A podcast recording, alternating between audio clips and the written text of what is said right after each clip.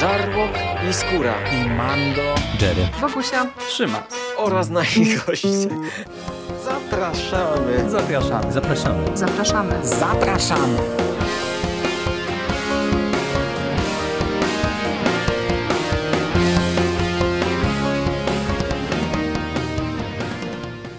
Witamy Was wszystkich bardzo serdecznie w kolejnym odcinku konglomeratu podcastowego. Z tej strony Michał Rakowicz, czyli Jerry, i jest ze mną Michał Ochnik, Misty Pop.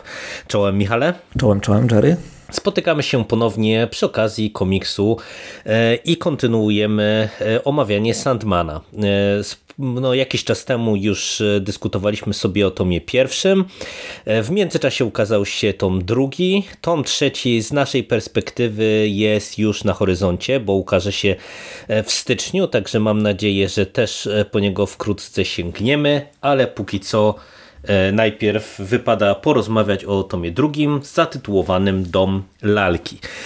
E, no i Michale, e, tak jak żeśmy rozmawiali przy okazji tego pierwszego tomu, mm, ja mam zawsze pewną bezradność wobec rzeczy pisanych przez Nila Gaimana, więc będziesz mi musiał dzisiaj trochę pomagać bo ja najkrócej rzecz ujmując mogę powiedzieć, że jestem nadal e, bardzo zadowolony, ale nie wiem jak to rozwinąć. E, no to e, przejmuj pałeczkę mhm. i, i, dyskutujmy tutaj o domie lalki. Właśnie, bo ty mi mówiłeś, jak rozmawialiśmy jeszcze wcześniej poza, poza podcastem, wspominałeś mi o tym, że nie wiesz jak opisać ten tom i szczerze mówiąc ja trochę się zastanawiam, z czego bierze się ta twoja niemoc, skoro no to, to, to jest kawał naprawdę dobrej historii, naprawdę fajnej, naprawdę złożonej i yy, właśnie to, to mnie zastanowiło, bo wspominałeś, że nie miałeś takich problemów z pierwszym tomem. To może jakbyśmy tu mogli trochę zdiagnozować ten problem, z czym to, z czego to wynika, że właśnie ten, yy, ten drugi tom stanowi dla ciebie taki troszkę twardszy orzech do zgryzienia. Znaczy wiesz to, y, ja mam wrażenie, że to jest tak, że y, ten drugi tom z jednej strony jest dużo spójniejszy, no bo nie miałem tego wrażenia, które miałem przy tym pierwszym tomie, co może jest paradoksalne, zważywszy na to, że tutaj w zasadzie dwa zeszyty to są totalnie y, osobne historie, ale nie miałem takiego wrażenia, wiesz, poszatkowania mm, jak y, przy okazji tego pierwszego tomu, e, ale po prostu ja mam z tym drugim tomem tak jak często właśnie mam w ogóle z Gaimanem, że ja mam wrażenie, że on pisze w taki sposób bardzo skomplikowany, że ta historia w sumie jakby ją streścić w dwóch, trzech zdaniach, to ona jest bardzo prosta, ale ona jest napisana w taki sposób, żeby ją maksymalnie skomplikować i ja trochę po prostu nie wiem jak to ugryźć, y, żeby to, tego nie strywializować. O, tak najkrócej rzecz bym ujął. Okej, okay, dobra. E, chyba rozumiem, co masz na myśli. E, tutaj właśnie ten tom jest o tyle interesujący, że on jest w dużej części takim tomem tranzytowym. W tym sensie, że kiedy Gaiman zaczynał pisać tę serię, on jeszcze nie, nie wiedział, czy zażre, bo szczerze mówiąc to był na, naprawdę unikat, jeśli chodzi o e, tego typu komiksy, nawet jeśli chodzi o Vertigo, ponieważ i, i ta kreska była bardzo y, ekspresywna, bardzo dziwna, bardzo niekomiksowa i y, sama fabuła była zupełnie y, znaczy stała w rozkroku trochę między superbohaterami, trochę między horrorem, trochę między właśnie tym gaimanowskim postmodernizmem. I właśnie nie, nie, nie, wiedziano, czy to zażre, i dlatego Gaiman, y, wydaje mi się, tak, troszkę teoretyzuje, że Gaiman y, umyślnie starał się pisać w taki sposób, żeby y, dało się to ograniczyć, że wiesz, że Sandman znajdzie tylko te swoje insygnia i jeśli seria nie zagryzie, to będzie można ją spokojnie szybko zamknąć. A w tym momencie, kiedy ona okazała się bardzo szybko olbrzymim sukcesem, to wydaje mi się, że to jest ten tom, w którym Gaiman właśnie zaczął budować ten cały swój e, fundament pod e, dalszą historię. Ponieważ jest wiele tropów, które już, jest wiele ziaren, które zasiał już w pierwszym tomie i one, one wykiełkują, będą kiełkowały cały czas, e, zresztą przekonasz się. O tyle tutaj, tutaj buduje naprawdę taki solidny fundament pod dalszą historię i wydaje mi się, że to też jest może troszkę kwestia tego, bo ta historia, tak jak, tak jak mówisz, ona ma sporo wątków, ale te wątki są tak są przeplatane w taki sposób, w którym ciężko jest o nich mówić, bo każdy z nich jest jednocześnie y, troszkę własną historią i troszkę składa się na odrębną całość. Więc y, wiesz co, wydaje mi się, że najlepiej będzie, jeśli zaczniemy od, y, od pojedynczych historii. Bo w tym tomie, w tomie Dom Lalki, mamy do czynienia z czymś takim, że poza główną historią pierwsza historia i jedna historia ze środka są bardzo zamkniętymi, autonomicznymi, kompletnie wyjętymi z tej narracji opowieściami. Mhm. I y, może, może porozmawiamy sobie najpierw o nich. Jasne. No to jest y, między innymi ta historia otwierająca ten album, czyli mhm. y, zatytułowana Historie z piasku.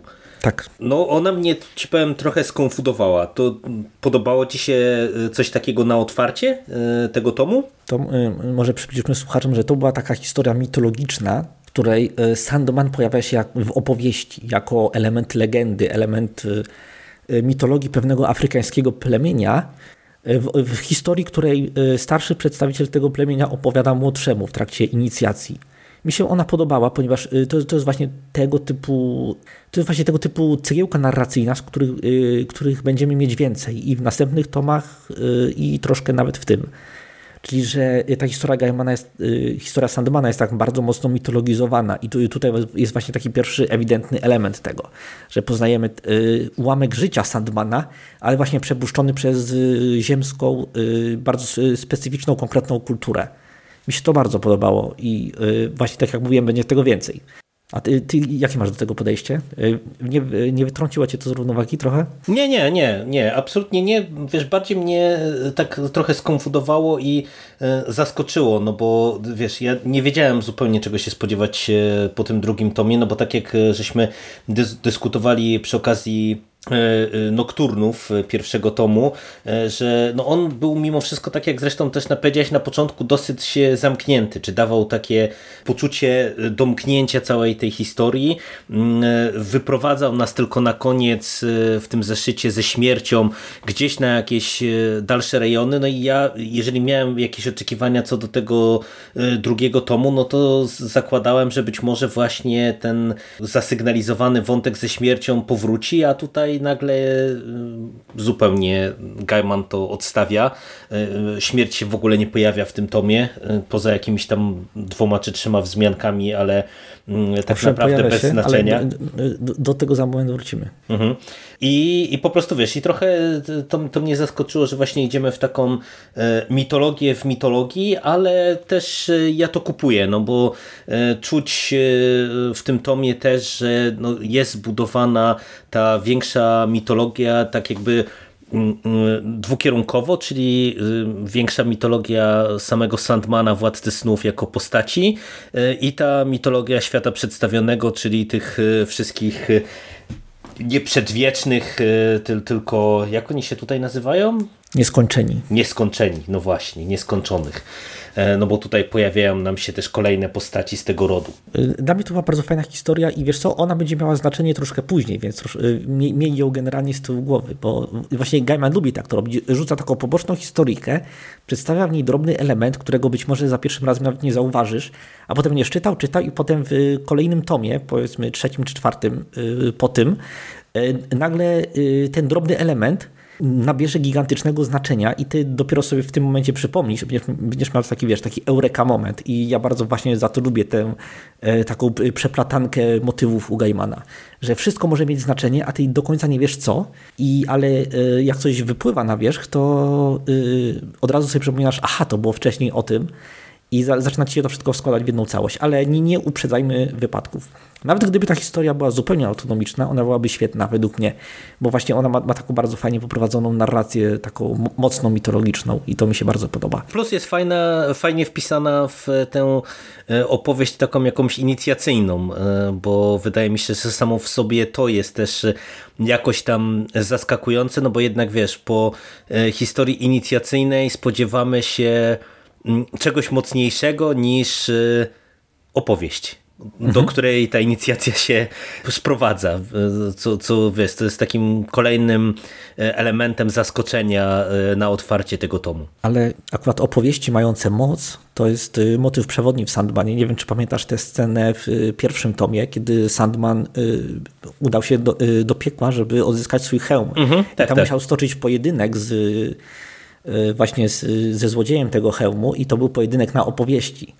I to, to jest właśnie jeden z powracających motywów, że te że opowieści mają gigantyczną moc I, i, w Sand, I u Sandmana, i właśnie też w naszym świecie. No tak, tak. No, znaczy wiesz, no słowo, słowo co, co do zasady jakby ma moc, ale mówię, tutaj to było dla mnie zaskoczenia w tym konkretnym kontekście, nie? gdzie okay, okay, rozumiem. inicjacja zawsze mi się kojarzyła, wiesz, nie wiem, z polowaniem, z jakimś wyzwaniem takim bardziej natury Y, czy to duchowej, czy fizycznej, czy jakiejś, wiesz, przemocowej, y, jakiejś transgresji, jakiegoś y, mhm. dokonania czynu wyjątkowego, a nie wysłuchania tak naprawdę historii przekazywanej z pokolenia na pokolenie. No, bo mówię, no tutaj to jest, wydaje mi się, że dosyć unikatowe podejście do tego rodzaju historii. Mhm. A właśnie, i jeszcze doczytałem sobie teraz w tym momencie na Wikipedii, to też prawdopodobnie powinniśmy wspomnieć, że Dom Lalki jest y, tak naprawdę pierwszym tomem zbiorczym Sandmana.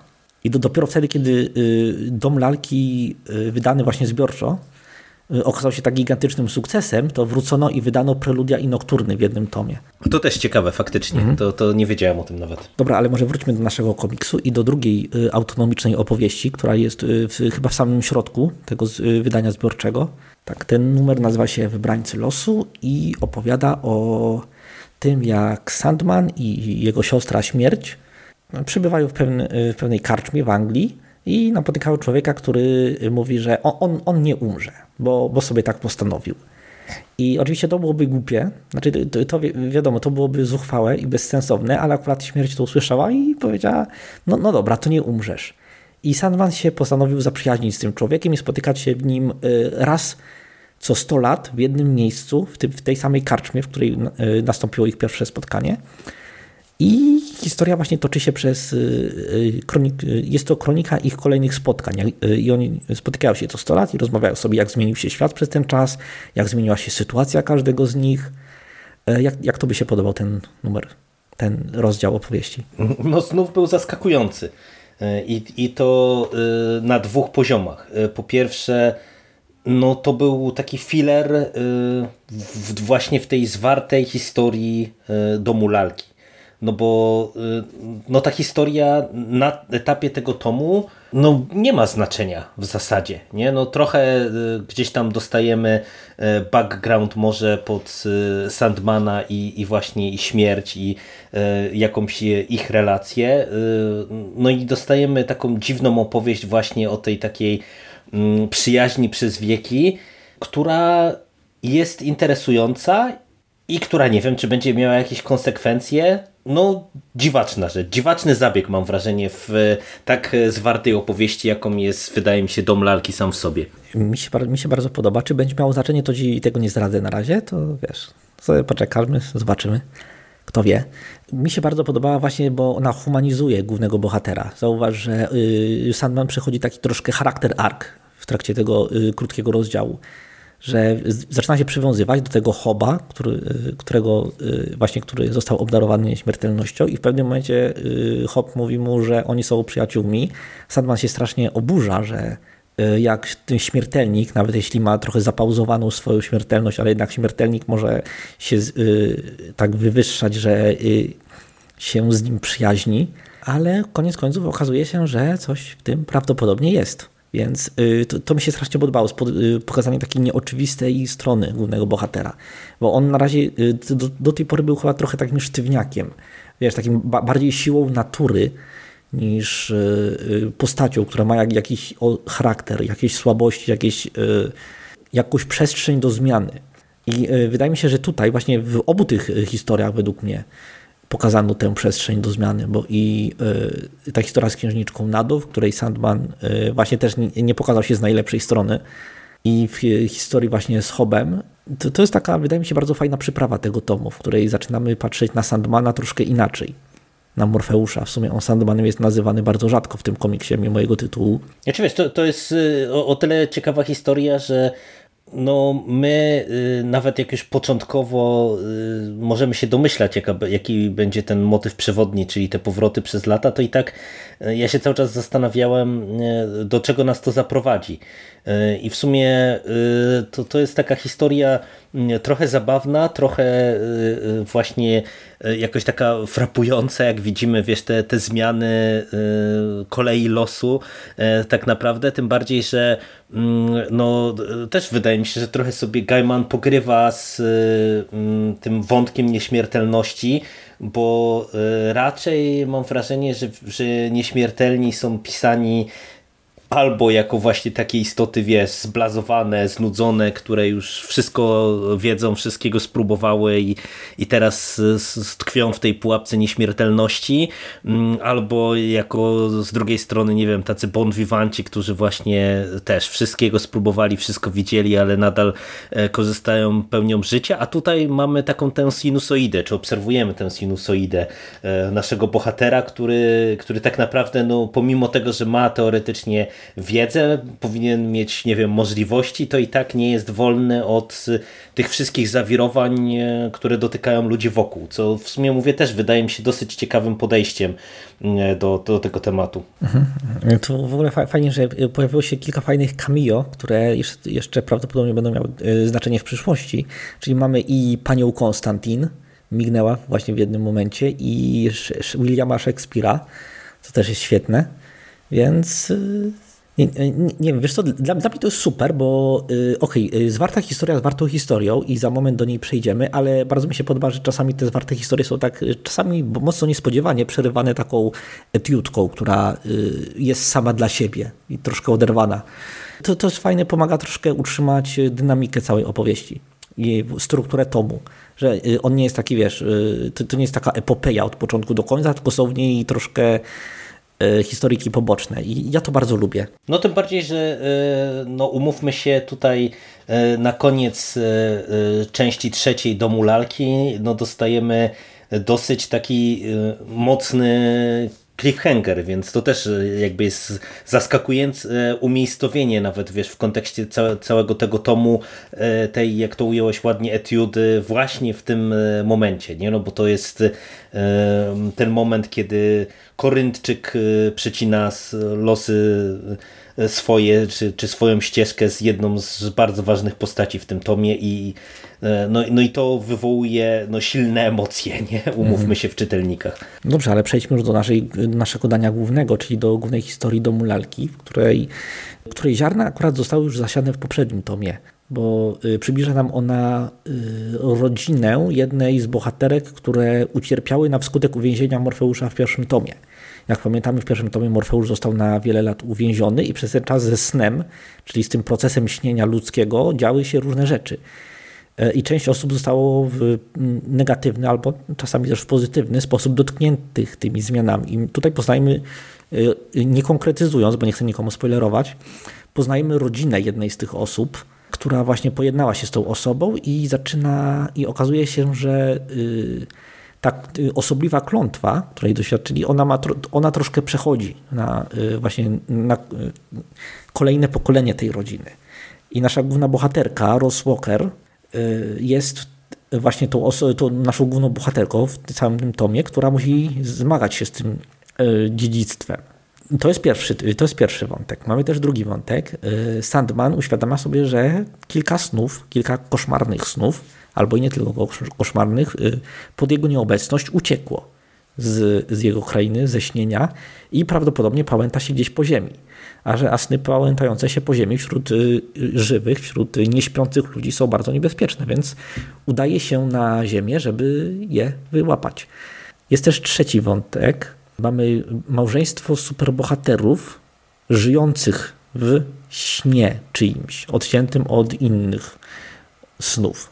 E, I wszystko to jest ze sobą bardzo fajnie powiązane w taki sposób, że e, bohaterowie z jednej historii mają troszkę pośredni udział w innych wątkach tej historii. To prawdopodobnie trochę kulawo to opisuje, ale e, w praktyce to wypada naprawdę fajnie, naprawdę angażująco. Mhm, tak, tak. To, to jest całkiem właśnie sprawnie skonstruowana opowieść i znowu ja bym powiedział, że mm, to co strasznie mi się podoba na tym etapie w samym Sandmanie jako serii, to to, że mam wrażenie tutaj Gaiman bardzo przywiązuje wagę do tego, żeby każdy z zeszytów też stanowił e, pe pewien zamknięty rozdział tej historii.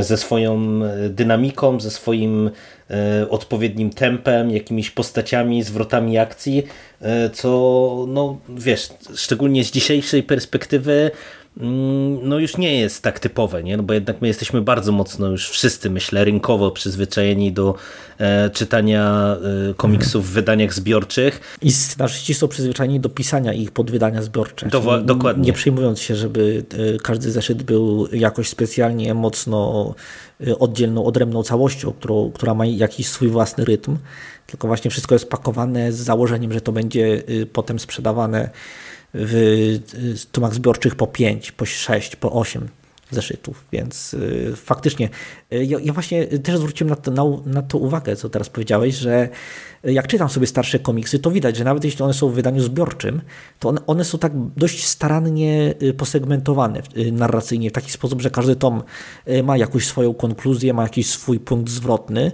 i troszkę mi tego brakuje, powiem Ci szczerze. Mhm. To, wydaje mi się, że można trochę porównać do seriali, jak kiedyś seriale były robione, nawet jeśli to były takie seriale jak Star Trek Stacja Kosmiczna 9, czy Babylon 5, czy inne takie seriale, które naprawdę były, miały mocną historię, albo y, Twin Peaks, czy, coś, y, czy inne tego typu, to i tak każdy odcinek był y, bardziej zwarty, ponieważ one były oglądane w telewizorze z tygodnia na tydzień. Y, tymczasem seriale robione właśnie pod y, platformy streamingowe, jak Netflix, one są znacznie rzadziej y, fragmentowane w ten sposób. One są właśnie też robione z założeniem, że to jest jeden 10 czy 12 godzinny film. I, te, I, też trochę mi tego brakuje. Trochę mi brakuje takiej segmentyzacji, ale to już tak zupełnie na marginesie. Mhm. Tak, tak, tak. No ja się zgadzam, bo to e, faktycznie, e, wiesz, to daje unikatowe wrażenia z lektury tak naprawdę. E, bardzo fajnie się to czyta z dzisiejszej perspektywy. No dobra, e, właśnie e, zaskoczyło mnie w tej głównej historii naszego Sandmana w Domie Lalki, jak wiele tu jest postaci i tak naprawdę każda z nich jest na tyle indywidualna, na tyle odrębna, na tyle ma silny charakter albo silny design, albo jest na nią jakiś pomysł, że one się w ogóle nie mieszają. Ja często mam coś takiego, że jak w jakichś komiksach jest wielu bohaterów, to y, troszkę zaczynam tracić y, rozeznanie, kto jest kim. A tutaj nigdy, nigdy, tego nie miałem, choć bohaterów jest naprawdę wielu. Bo wiesz, i lokatorzy y, w tym domu, do którego prowadziła się nasza główna bohaterka, i y, te osoby na konwencie fantast, znaczy na konwencie y, skryto, znaczy na konwencie seryjnych, seryjnych morderców. morderców. Mhm. Tak. I przecież dostajemy właśnie te historyjki poboczne i mamy bohaterów troszkę też wracających z poprzedniego tomu i też mamy E, nowych, nieskończonych, przedstawionych i to powinno się mieszać, a się nie miesza.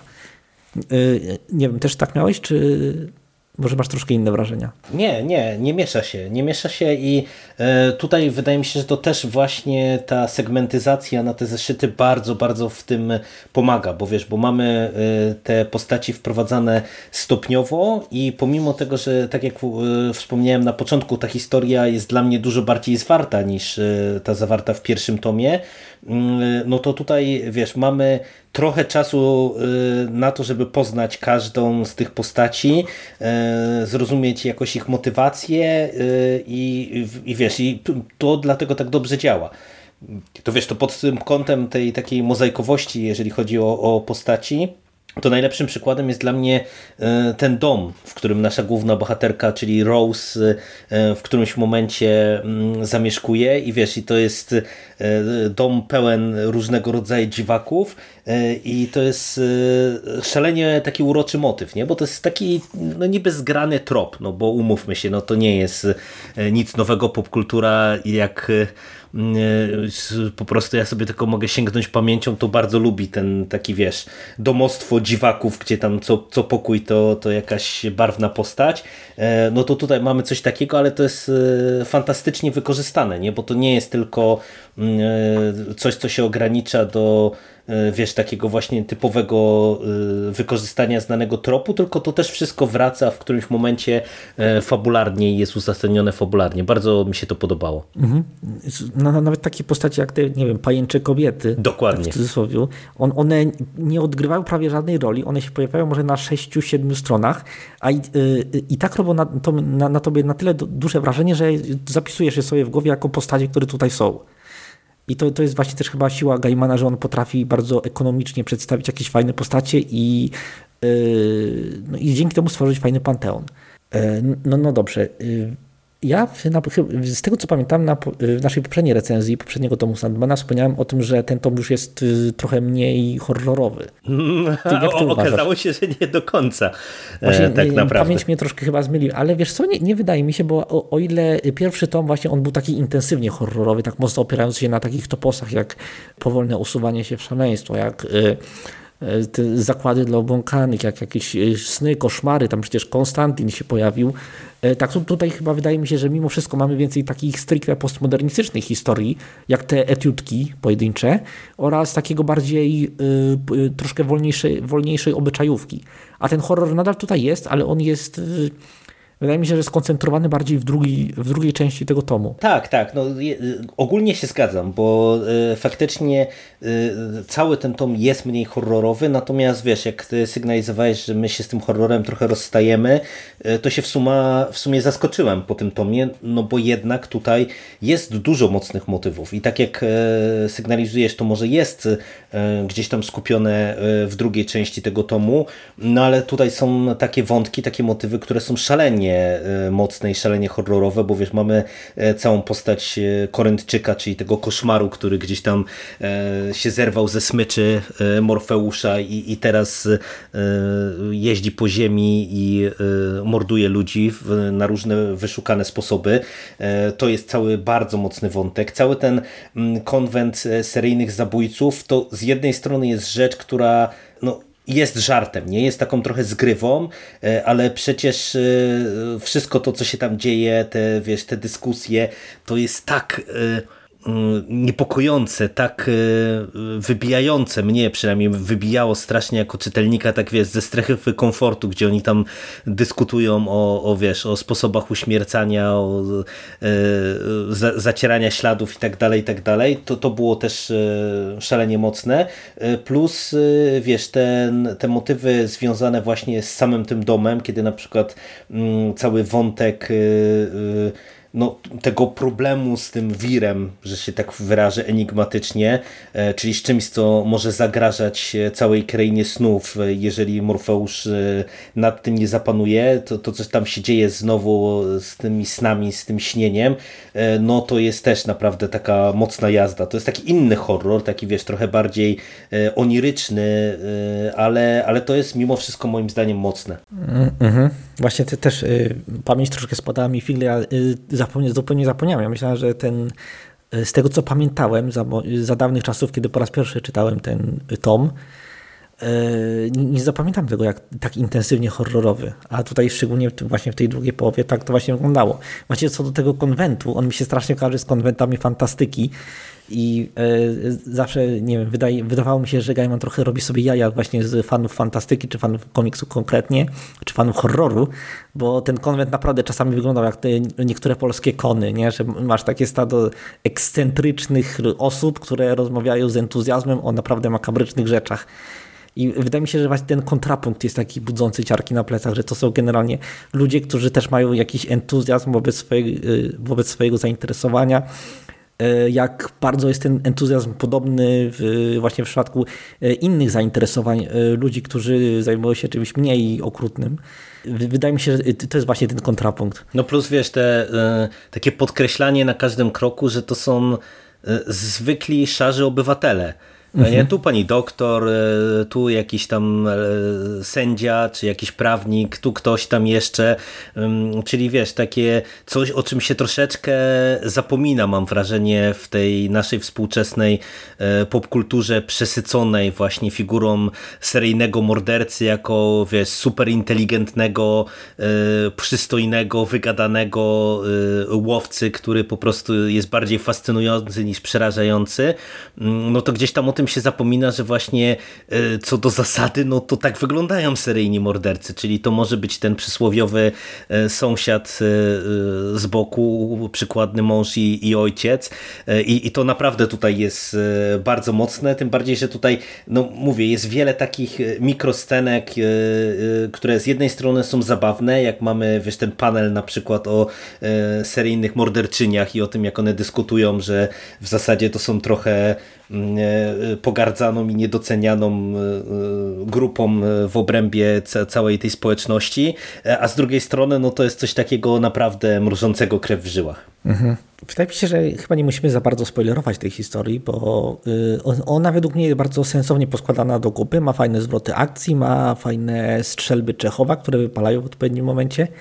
Podobały mi się zabawy formą do mulalki, czyli na przykład to, że jedna z, jeden z wątków jest przeprowadzony estetycznie podobnie do komiksu Little Nemo in Slumberland, jednego z najstarszych komiksów gazetowych i najbardziej znanych komiksów gazetowych o małym chłopcu, który właśnie przeżywa różne przygody na jednej stronie gazetowej i na ostatnim kadrze on się budzi, spadając z łóżka albo po prostu zrywając się ze snu. I tutaj to ma bardzo taki makabryczny remix tego typu, te, tego właśnie, właśnie tej struktury opowieści. I to też mi się podobało, albo też podoba... Gaiman tu się mocno bawi formą w tym mm -hmm, komiksie. Tak, tak, zdecydowanie. Mhm. Jest na przykład kawałek, fragment komiksu, że po prostu musisz przekręcić tom o 90 stopni i czytać go poziomo E, co też troszkę właśnie ma odzwierciedlać zamieszanie w głowach postaci. To akurat Gaiman podkradł z komiksu Cerebus Dave'a Sima, znaczy tak mi się wydaje. Sprawdziłem sobie daty przed nagraniem i Dave Sim zrobił to wcześniej, a Gaiman jest kumplem Sima. Oni, oni się, znaczy kiedyś był kumplem Sima, więc mam taką teorię, że właśnie Gaiman podkradł to od niego ale to też na marginesie. Masz jakieś rzeczy do zadania? Znaczy nie, tutaj jeżeli chodzi o te kwestie formalne, no to ja się spodziewałem, że yy, Gaiman będzie z tym eksperymentował, no bo on mi się trochę kojarzy też z, z takimi właśnie mm, formalnymi zabawami, z autorstwem e, takim, której na tej formie też jest bardzo mocno skupione i wiesz, no to patrząc e, w ogóle na ten komiks, to jest tak, że nawet e, ten układ poszczególnych kadrów, poszczególnych paneli, on się cały czas zmienia i, i płynie, nie? To wiesz, to nawet nie, nie trzeba tylko się koncentrować na, na takich tych elementach, jak mówisz właśnie, że trzeba przekręcić cały komiks, ale E, no to, to, nie, to jest bardzo e, żywo rysowany i układany przede wszystkim mm, komiks i przez to mam wrażenie też on pozostaje tak bardzo świeży, nie? Zresztą no, w mhm. końcówce tutaj to e, no, momentami mamy ostre jazdy, nie? Jak właśnie wchodzą te, te sny w końcówce, e, kiedy wiesz, mamy te jakieś pozakręcane karty, jakieś mozaiki w śnie różnych postaci i tak dalej. Ale chyba tak musimy dalej. podkreślić, że to cały czas jest bardzo czytelne. To, to bardzo. nie jest tak, że po prostu mhm. artysta idzie, y, kompletnie schodzi z, ze scenariusza i robi coś takiego, że czytelnik nie ma pojęcia pojęcia na co patrzy. E, wszystko mi, właśnie mimo tej olbrzymiej ekspresji, to wszystko jest bardzo ładnie dopracowane i e, nigdy się nie gubisz, gdy, tego, gdy to czytasz. No moim zdaniem to w ogóle jest e, godne też podkreślenia, czy ja bym chciał podkreślić, że moim zdaniem warstwa wizualna tego komiksu jest świetna. Bo to nawet ty wspomniałeś przy, tym, przy okazji tego pierwszego tomu, że, że właśnie jest bardzo prężna czy głośna grupa fanów, która no, nie lubi kreski e, w tym cyklu, a ja uważam, że właśnie ta warstwa wizualna, no, dosyć specyficzna i dosyć charakterystyczna, e, ona się świetnie nadaje do tej opowieści, bo ona jest z jednej strony mm, realistyczna, czy, czy wręcz wiesz, czasem te postaci wyglądają prawie, że jak nie wiem, rysowane z jakichś zdjęć, czy, czy wiesz, no w ten sposób rysowane mhm. postaci, ale z drugiej strony y, rysownicy sobie fantastycznie radzą z całą tą warstwą y, fantastycz, y, fantastyczną, nomen omen, i z przenikaniem tego, że wiesz, że tu jesteśmy w świecie snu, tu jesteśmy nagle w świecie rzeczywistym, który tak naprawdę jest jakimś tam koszmarem i moim zdaniem to naprawdę jest wizualnie komiks, który robi kapitalne wrażenie. Ja jakimś, wiesz, nie jestem wielkim fanem kreski y, w starych komiksach, ja dlatego na przykład często y, się boję wrócić do, wiesz, do jakiejś klasyki tam z lat 70. czy 80., no bo wiem, że pomijając aspekty scenariuszowe, no to, to ta kreska mnie czasem odrzuca, nie? Czy potrafi mnie męczyć, a tutaj absolutnie tego nie mam, nie? To, to mhm. jest coś takiego, ja że... Ci po, mhm, ja ci powiem więcej, że komiks wygląda, on jakby, on wygląda jakby był rysowany gdzieś w przyszłości. Jest taki artefakt, który wypadł do nas, nie wiem, z jakichś lat 70. XXI wieku. Ale, ale dokończ, bo ci przerwałem. Nie, nie, nie, to, to w zasadzie kończyłem myśl, nie? Że, że to pod tym kątem to mi naprawdę fantastycznie się też sprawdza. A porozmawiamy sobie jeszcze krótko o nowych nieskończonych, których poznaliśmy właśnie w tym tomie. Y, warto zauważyć, że y, polski przekład troszkę to gubi i szkoda, ale trochę nie dało się tego zrobić inaczej, ale imiona każdego z nieskończonych y, zaczynają się na D. Nie jest sen, czyli dream, jest śmierć, czyli death. Mamy rozpacz, rozpacz i pożądanie. No i właśnie ten panteon nam się bardzo sukcesywnie rozrasta. Ja to bardzo lubię, ponieważ jeszcze, minie jeszcze trochę czasu, zanim poznamy wszystkich, i podoba mi się to, że oni są właśnie tutaj włączeni jako równo, równomierni gracze, którzy są właśnie na równi i z Sandmanem i ze śmiercią i oni też grają na grają własną grę. Tutaj y, to jest chyba dość ewidentnie pokazane, że y, rodzeństwo troszkę y, lubi sobie podkładać świnie, troszkę lubi rzucać sobie wyzwania. Jakie wrażenie zrobiły na tobie te postacie? Powiem może coś kontrowersyjnego, ale mm, na tym etapie trochę żadne w tym sensie, że y, no, bardzo mało o nich wiemy. No wiesz, oni się pojawiają tutaj y, na początku tej historii jako tacy trochę tricksterzy, którzy y, są zaprezentowani jako rodzeństwo, które właśnie najprawdopodobniej spłatało jakiegoś figla niecnego Morfeuszowi. No i pojawiają się na końcu, kiedy cała sprawa na tym etapie się domyka i tyle. I bardziej niż e, samo to rodzeństwo, to e, podoba mi się jak e, e, właśnie fajnie Gaiman buduje ten większy świat, tę, tę większą mitologię. Takimi drobnymi nieraz elementami, jak tutaj, nie wiem, w końcówce mamy dialog Morfeusza właśnie z pożądaniem bodajże mm, i oni trochę dyskutują na przykład w kontekście tego, jak nieskończeni pozostają w relacji do ludzi, co jest, wiesz, bardzo ciekawe, no bo w sumie no, ja jako czytelnik nie wiem tak naprawdę, jak ten świat e, funkcjonuje, mm, więc wiesz, więc takie, e, takie drobne elementy to jest e, bardzo dobre, moim zdaniem, światotwórstwo i, i budowanie tego, tego wszystkiego, co później pewnie właśnie będzie procentowało. Takie stawianie, wiesz, fundamentów, na których później będzie można jeszcze opasłe tomy budować i pisać. Mhm. A to właśnie co, co, do pożądania, to widziałem na Twitterze Bultyłka, że yy, Netflixowa adaptacja osadziła w tej roli yy, osobę niebinarną. A jak czytasz ten komiks, to jest niebinarna postać. Ona ma yy, zaimki ono, jego. I tak się do niego zwracają inne postacie. I ten komiks powstał w schyłkowych latach 80., więc to, to nie jest żadne przepisywanie, nie jest żadna polityczna poprawność. A w, w ogóle to, to jest, jest, też kwestia tego, że tutaj y, przecież Sandman był y, pokazany jako czarnoskóry w pierwszym numerze tego tomu. E, to też jest silnie podkreślone, że to jak my go widzimy, to, to nie jest jego kanoniczny wygląd, ani żadnego z innych nieskończonych, skoro już o tym mowa, tylko to jest właśnie jak rysują go rysownicy, żeby, e, żeby pozostał żeby jego design pozostał spójny, a tak naprawdę y, on może objawiać się i jako zwierzęta, i jako y, osoby wyglądające różnie, o różnych płciach, o różnych kolorach skóry, nawet jako y, abstrakcyjne koncepty. I to też jest super fajne, bo na przykład dzięki temu możesz no, różni rysownicy mogą y, zupełnie inaczej bawić się tą postacią i to, to też mi się podoba. To, y, tutaj też mamy tego trochę w tym komiksie. No to ja się pod tym podpisuję, wiesz, no, ja takiego bólu tyłka to kompletnie nie rozumiem, no bo y, w końcówce pożądanie jest wprost nawet rysowana jako taka rysowane, jako taki androgeniczna postać, nie? Nawet wizualnie, która na pierwszy rzut oka, jak wiesz, nie, nie mm, spojrzysz na dymki, to nie jesteś w stanie określić, czy to, czy to jest e, mężczyzna, czy kobieta. E, no co zresztą w sumie wydaje mi się, że akurat w przypadku te, tego konkretnego, nieskończonego mm, jest e, bardzo fajnym zabiegiem, no bo no, umówmy się, pożądanie jako pożądanie nie powinno mieć płci, nie?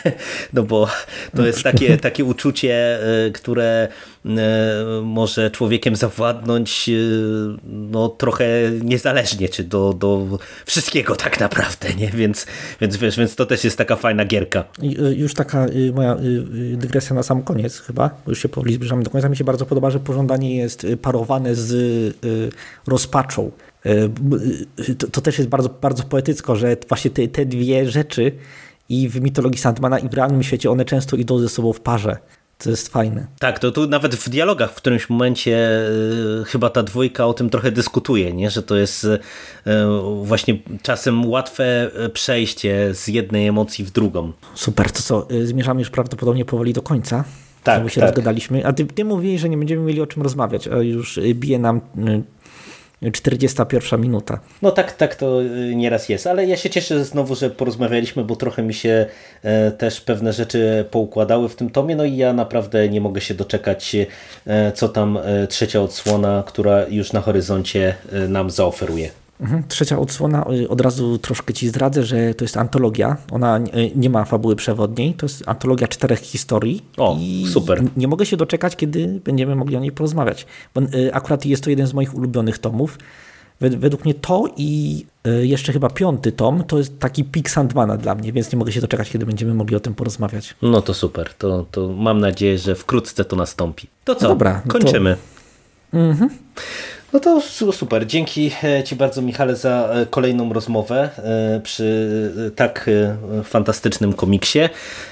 Pewnie zanim się spotkamy przy trzecim Sandmanie, to będzie dane nam się usłyszeć przy nieco mniej fantastycznym komiksie, czyli przy Avengersach Jasona Arona.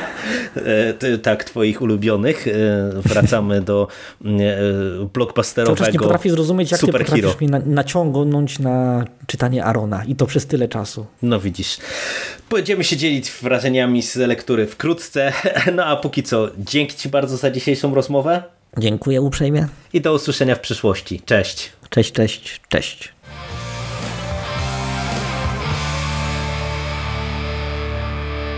You finished? That's it, man. Game over, man. It's game over. What the fuck are we gonna do now? What are we gonna do? It's over. Nothing is over!